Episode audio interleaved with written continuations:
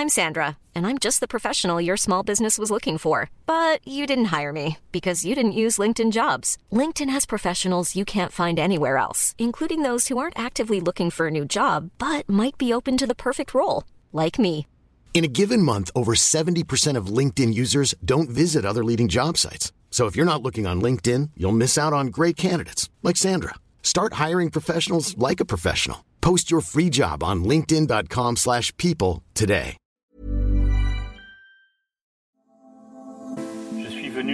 Vous parler d'Europe. Together, we can achieve incredible things. Europa skal stå stærkere i vores egen ret. Europa ist unsere Zukunft.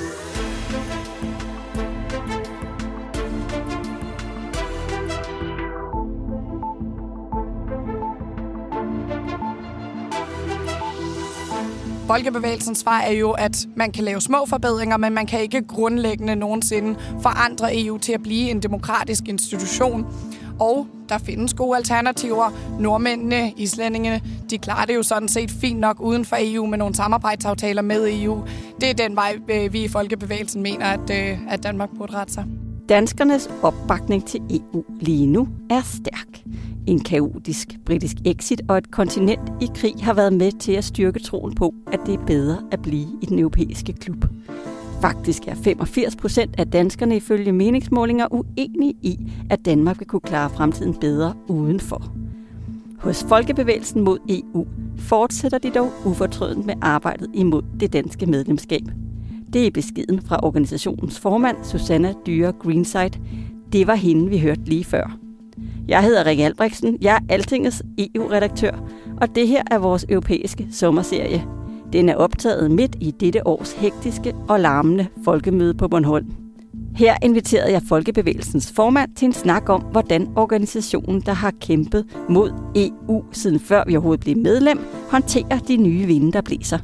Den tværpolitiske bevægelse røg ud af Europaparlamentet ved sidste valg til forsamlingen efter at have siddet der i 40 år. Og de kæmper nu det, der ligner en meget svær kamp for at blive genopstillet før EU-valget til næste år. Samtidig bobler en ny EU-skepsis på højrefløjen, mens bevægelsens egne tidligere så tro makkere på venstrefløjen i enhedslisten har droppet ønsket om at forlade unionen fra partiprogrammet. Hvor efterlader det folkebevægelsen? Det kan du høre mere om i denne uges udsendelse.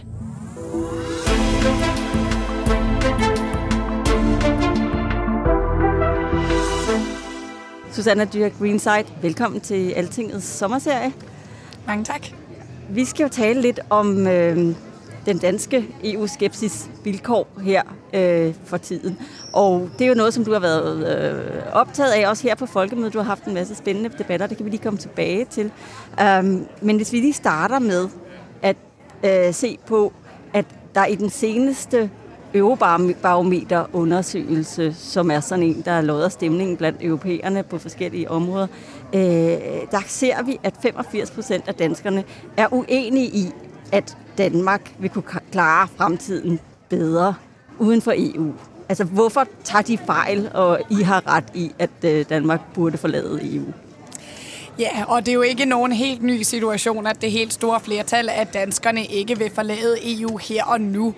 Og det er jo også fordi, at vi har jo ikke, det er jo ikke, et ind- og ud-diskussionen er ikke noget, der fylder enormt meget i det danske samfund. Øh, jeg vil sige, der er jo lige den finte med Eurobarometer-undersøgelser, at de spørger jo folk, der i forvejen er ret så interesserede i EU, og generelt også folk, der er lidt positive til EU, så det kan godt være, at der er lidt større end bare 15 procent. Men der er i hvert fald, jeg accepterer præmissen om, at der er nok et flertal af danskerne, der ikke vil ud her og nu. Det er i hvert fald sådan, at jo barometer, der er, er der nogen, der konkluderer, at det er ikke fordi, at de andre ikke bliver spurgt, men der er måske flere, der siger ja til at deltage i undersøgelsen. Præcis, så, måske så der, er, der er måske en lille skævhed i den, men er vi, alligevel så tror jeg godt, at de fleste skal blive enige om, at de fleste vil ikke, danskere vil ikke ud af EU her og nu. Og hvad hedder det? Grunden til, at vi har valgt at holde fast i EU-modstanden i Folkebevægelsen mod EU, det er jo fordi, at vi er enormt kritiske over for EU som organisation. Og når man er det, så kan man jo vælge at se på, jamen kan vi ændre EU indefra? Kan vi gøre EU mere retfærdig? Kan vi gøre EU mere demokratisk indefra? Og hvis ikke, findes der så gode alternativer. Og Folkebevægelsens svar er jo, at man kan lave små forbedringer, men man kan ikke grundlæggende nogensinde forandre EU til at blive en demokratisk institution. Og der findes gode alternativer. Nordmændene, islændingene, de klarer det jo sådan set fint nok uden for EU med nogle samarbejdsaftaler med EU. Det er den vej, øh, vi i Folkebevægelsen mener, at, øh, at Danmark burde rette sig. Du kommer faktisk nærmest sådan direkte fra en debat med enhedslisten, øh, som jo er på vej i en lidt anden retning. Det er jo ellers nogen, som I har fulgtes øh, meget med. Det var jo også sådan, at, at før, når man stillede op til Europaparlamentet for Folkebevægelsen, så var det med enhedslisten, som partiet var i ryggen på en, fordi at de jo egentlig ikke stillede med kandidater selv. Det har de så ændret på siden. Og de har jo så også, de har jo så gået ud nu og har sagt, jamen vi vil sådan set også i princippet bare stryge den grundlæggende EU-skepsis fra partiprogrammet. De har lige haft et årsmøde, hvor de øh, øh, piller formulering om, at de skal være, at, at, at øh, enhedslisten er stærke modstandere af EU og, og sætter en dansk øh, udmeldelse, øh, såvel som en nedlæggelse af EU øh, som, som et mål. Den, det er jo nu væk, fordi at de øh, går anderledes til det. Nu hvor I har kørt et par løb så længe, altså, hvad synes du så egentlig om, om det, at de vælger den vej nu? Altså, jeg er meget skuffet over, at enhedslisten ikke vælger at talsætte deres EU-modstand så skarpt længere. Øhm, fordi jeg tror, i det daglige, jamen så, altså enhedslisten er jo fortsat kollektive medlemmer af Folkebevægelsen mod EU, og det er jo fordi, vi i det daglige peger på mange af de samme problemer, og sådan set også mange af de samme løsninger. Det vi i Folkebevægelsen så holder fast i, det er, at man ikke grundlæggende kan forandre EU, og at man kan sige, at enhedslisten de har sådan set lidt valgt at øh, droppe og tale om de langsigtede visioner. Hvis man endelig spørger dem, og det var der også nogen, der gjorde til debatten, så bliver det noget vævende med, at måske kan vi lave EU om en dag, måske kan vi ikke, men vi må arbejde inden for det system, der er nu og her. Og man kan sige, Folkebevægelsen har jo sådan set altid arbejdet på to ben. Når vi sad i EU-parlamentet, jamen så stillede vi der ændringsforslag, deltog i debatterne så godt vi kunne.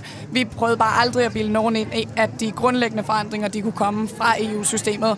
Og det er der, hvor vi nu øh, skiller os lidt fra enhedslisten, desværre. Eller jeg vil sige, fra, fra nogen i enhedslisten, fordi der er jo stadigvæk mange af deres medlemmer, der bakker op om den gamle linje, som man kunne se også på nogle meget forvirrede årsmødediskussioner. Vel, øh, tager de fejl, når de siger, at det, øh, det er vigtigt at være på den der kampplads? Jeg ved godt, I selvfølgelig også gerne øh, vil der ind igen. I har jo været der, som du selv siger. Øh, Folkebevægelsen har jo haft en storhedstid i Europaparlamentet øh, og lavet med at have øh, altså, fire medlemmer. Øh, på, altså, det er jo ja. enormt for, for, øh, for, for et dansk øh, parti eller bevægelse. Ikke? Øh, men, så det er ikke, fordi jeg ikke anerkender, at, øh, at I ser det som et sted, der er nyttigt at være, men, men det der med at sige, jamen vi vil hellere ændre systemet indenfra, hvad er det, der er galt med den, øh, med den konklusion?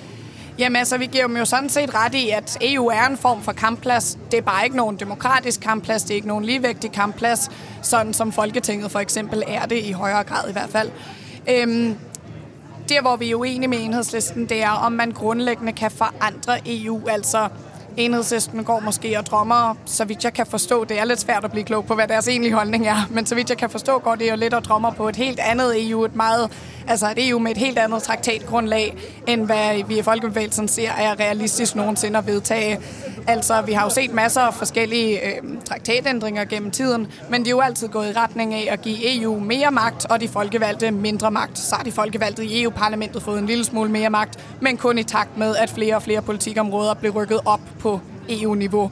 Så jeg tror ikke på, at den der grundlæggende forandring kan ske inden for EU-systemet. Dermed dog sagt, altså, så længe vi er med i EU, så skal vi da selvfølgelig kæmpe alle de steder, vi kan. Det er også derfor, at Folkebevægelsen fortsat, eller en af grundene til, at Folkebevægelsen fortsat forsøger at komme i EU-parlamentet. Men vi har måske en lidt mere mm, ærlig kommunikation om, hvad det er, vi egentlig kan opnå i EU-parlamentet. Fordi det er de her små forbedringer, men det er jo ikke de, øh, de grundlæggende forbedringer. Det går lidt træt med at få indsamlet vælgererklæringer, som man jo skal øh, for at få lov til at stille op til Europaparlamentet, hvis man ikke er et parti, der allerede sidder i Folketinget. Nu var jeg lige inde og tjekke. Øh, 4.762 vælgererklæringer har I skrabet sammen på øh, nuværende tidspunkt. I skal op omkring de 72.000. Det er sådan et tal, der, øh, der, der er sådan lidt plus-minus, for det afhænger af øh, befolkningsstørrelsen. Men der er rigtig langt igen. Skal vi ikke bare sige det? Altså, jo, det er jo absolut. efterhånden halvandet år siden, I startede med at samle ind. De her øh, vælgerklæringer bliver også for gamle på et tidspunkt. Hvad er strategien? Ja, altså, hvad hedder det? Vi, øh, vi forsøger jo fortsat at indsamle vælgererklæringer, og som du siger, tallet er de der 70.680 øh, i øjeblikket, som vi skal have samlet ind, og det er jo det allerhøjeste tal i, øh, per indbygger i hele EU. Altså, Danmark er det land, hvor det er sværest at blive opstillingsberettiget til EU-parlamentet. Så en del af strategien er at prøve at få lavet det om, og der havde vi faktisk et samarbejde med blandt andet Enhedslisten, som stillede et, ændrings, eller, undskyld, et beslutningsforslag i Folketinget om at prøve at få det her tal sat ned. Det var der bred opbakning til blandt, øh, jeg tror det var 6-7 partier, øh, men desværre har vi ikke regeringen med på den endnu. Så det kan man sige er et ben, vi arbejder på. Men så må vi jo også bare konstatere, at en ting er selve tallet. Når folk hører det tal, er det ikke alle, der er lige til bøjt, så tænker de, at det er en håbløs opgave, og der har vi oplevet, at der er nogen, der bare ikke vil give en vælgererklæring, fordi de tænker på forhånd, at det er en håbløs opgave. Og så må jeg også bare sige, så har det været enormt svært for os som en lille organisation, der primært er frivillig båret, øh, og, og skrabe de her vælgererklæringer i hus. Altså dels er EU-politik jo ikke noget, der fylder meget i, den, i det danske øh, medielandskab, og så har vi jo heller ikke en, øh, en øh, kæmpe masse penge, som vi kan puste i annoncer øh, for at prøve at få, få det her budskab spredt ud. Hvis man ser på dem, der lykkes at få de 20.000, der skal til øh, til Folketinget, så har det jo enten været et meget, meget kendt navn i forvejen, som Inger Støjberg, eller også har det været nogen, som har haft... Øh, hvad hedder det, en masse stemmepenge fra et folketingsvalg, som de så kunne, kunne pusse i annoncer. Det har vi set med Alternativ og Fri Grønne, de her. Øhm, og man får jo ikke stemmepenge ved, ved et EU-valg. Så man kan sige, at vi er en lille frivillig organisation, der prøver at løfte det her, og i øjeblikket ser det svært ud. Jeg vil sige, hvis det ikke lykkes, jamen så, så går Folkebevægelsen jo ikke ned og hjem. Vi fortsætter som en øh, kritisk folkeoplysende organisation, som vi har gjort de sidste par år. Vi synes, det er meget nyttigt at sidde i EU-parlamentet, så vi, vi kæmper og håber. Øh, men uanset hvad, så fortsætter Folkebevægelsen i hvert fald. Det lyder en lille smule som om, I har givet op Nej, det har vi ikke. Vi anerkender bare, at det er svært, fordi, som du siger, vi mangler de der øh, 65.000. Vi har stadigvæk, øh, hvad hedder det, vælgererklæringsportalen åben. Vi kunne også vælge at skrive ind til Indrigsministeriet og, og kaste tænderne i vejret og sige, nej, men det er alt for svært. Det har vi ikke gjort. Fordi vi håber på, at på et tidspunkt, når der, i takt med, at valget nærmer sig, og der kommer lidt mere øh, fokus på, øh, på, på øh, hvad hedder det, EU-politik i befolkningen generelt, at folk også ser, at øh, folkebevægelsen mangler fra debatten. Jeg tror, der er også rigtig mange, der forventer, at folkebevægelsen vil være på stemmesedlen, for det har vi altid været, som måske ikke er opmærksom på, øh, at vi, at vi øh, skal bruge alle de her vælgererklæringer. Så nej, vi håber fortsat, men øh, vi anerkender da, at øh, der er langt vej igen. Men har I nogle kaniner, I kan hive op af hatten? Altså, hvad er strategien? Altså, øh, hvad hedder det? Den, kan, vi har jo ikke en kanin, der hedder, øh, hvad hedder det, øh, en masse annoncekroner. Vi har heller ikke en kanin, der hedder øh, en meget, øh, meget velkendt person. Det vi kan håbe på sker, er, at der kommer en eller anden sag i medierne, hvor der... Øh, hvor folkebevægelsen vil mangle fra debatten. Men det har været svært. Vi havde jo også håbet på, at vi kunne øh, mobilisere sidste år, når der var forsvarsforbeholdsafstemning. Øh, hvor vi virkelig kastede alle vores, øh, alle vores ressourcer ind i den. Øh, men det er svært at løfte øh, to politiske budskaber på én gang, altså både stemme nej og give en vælgererklæring.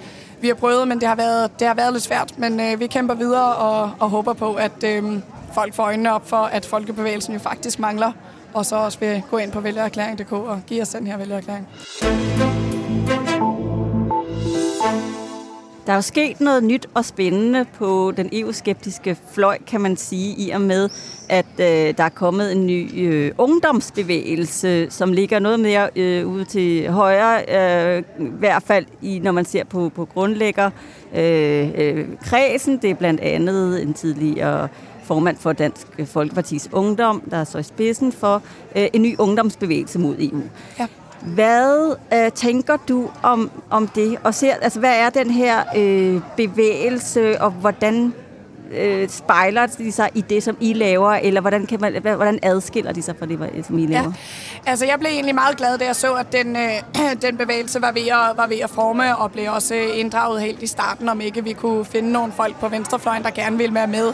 Fordi de her EU-skeptiske ungdom har jo en ambition om også at være en tværpolitisk bevægelse, men den er mest drevet af partier fra højrefløjen lige nu. Øhm, den giver mig jo faktisk et håb af samme grund, som jeg får håb hver gang jeg er ude og tale med et ungdomsparti. Og det er, at Altså, når jeg taler med øh, folk i min forældres generation, der er rigtig mange, der siger, jeg var engang EU-modstander eller meget stor skeptiker, men nu har vi set, hvor galt det gik med Brexit, og det tør vi ikke, og vi lægger den der modstand på hylden.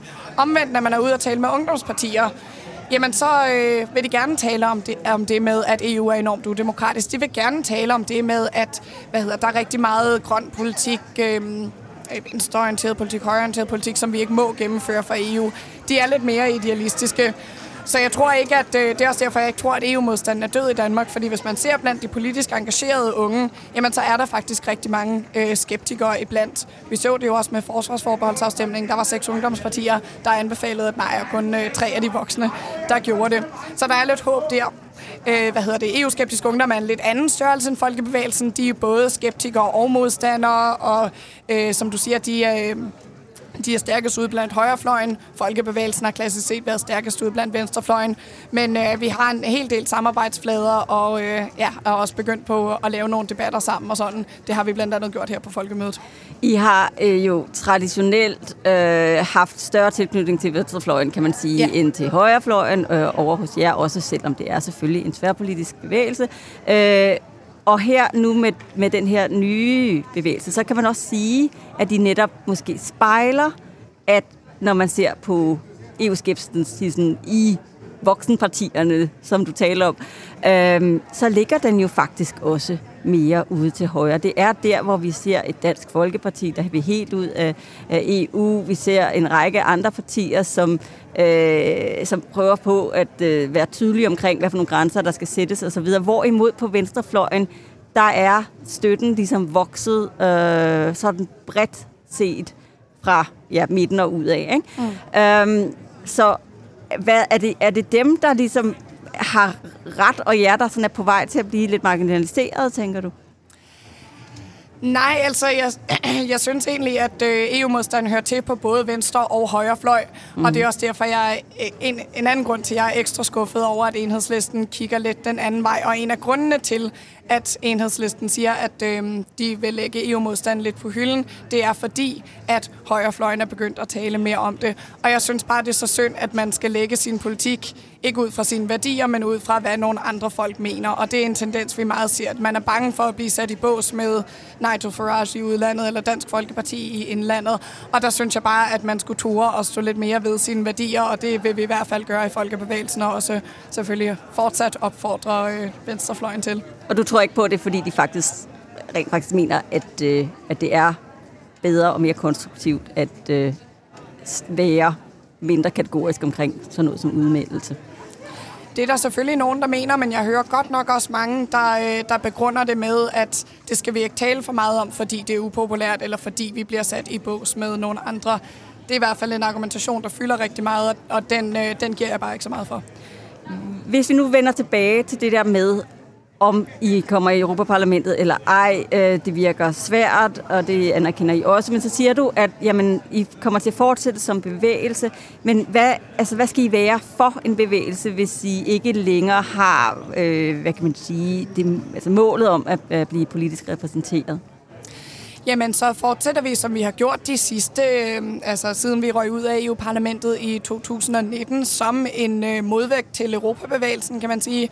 Vi er en folkeoplysende organisation, formidler fra Europanævnet blandt andet til at lave folkeoplysende aktiviteter, og så fra et kritisk perspektiv. Den danske befolkning er jo dybt EU-kritisk. Det kan godt være, at der ikke er et flertal, der vil ud nu og her, men vi er jo dybt EU-kritiske. Øhm, vi ønsker ikke at opgive vetoretten på forsvar, for eksempel. Altså selv alle ja-partierne, de brugte jo det som argument for, for at stemme ja, at vi stadigvæk havde vetoretten på forsvaret. Altså man har set mange af ja-partierne næsten tage folkebevægelsens argumentation til sig, fordi danskerne er så EU-skeptiske, som de er.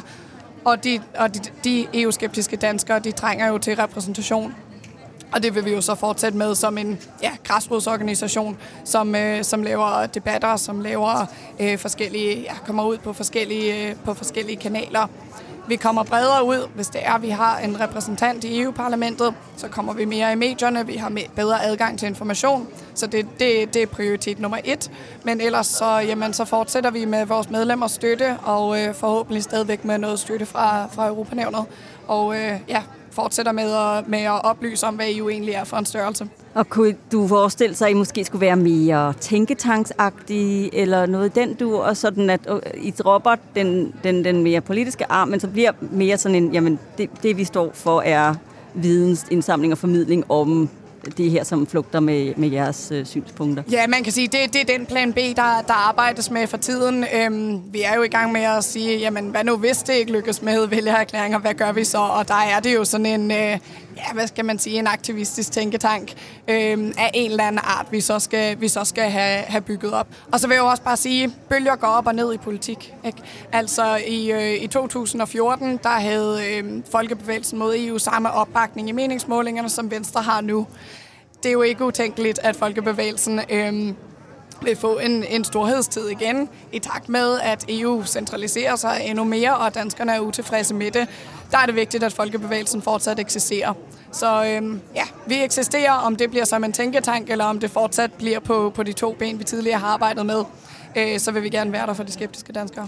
Og men I vil ikke øh, drage den konklusion, at det måske bare øh, øh, ikke er sådan, at, øh, at der er en platform for jer, eller en grobund for det, som I står for, når der nu alligevel er så stor opbakning til øh, Ja, præcis. Altså, så længe vi har vores medlemmer, øh, og der bliver ved med at komme flere nye medlemmer til, jamen så er der jo ingen grund til at lægge organisationen ned tværtimod. Tusind tak, fordi du ville være med øh, i vores sommerserie. Mange tak. Folkebevægelsen kan få en storhedstid igen, lyder budskabet fra Susanna Dyr Greenside. Hun giver ikke op så lidt. Her på Altinget skal vi nok følge med i, hvordan det går, både med Folkebevægelsens bestræbelser på at komme tilbage i Europaparlamentet og med den nye EU-skeptiske ungdomsbevægelse længere ude på højrefløjen. Tak fordi du lyttede med til vores europæiske sommerserie optaget på Bornholm. Mit navn er Rikke Albrechtsen, og vores podcast blev redigeret af Mads Aarhusen. Tak for i dag. Lyt med igen næste uge lige her, hvor Altinget taler om Europa. thank you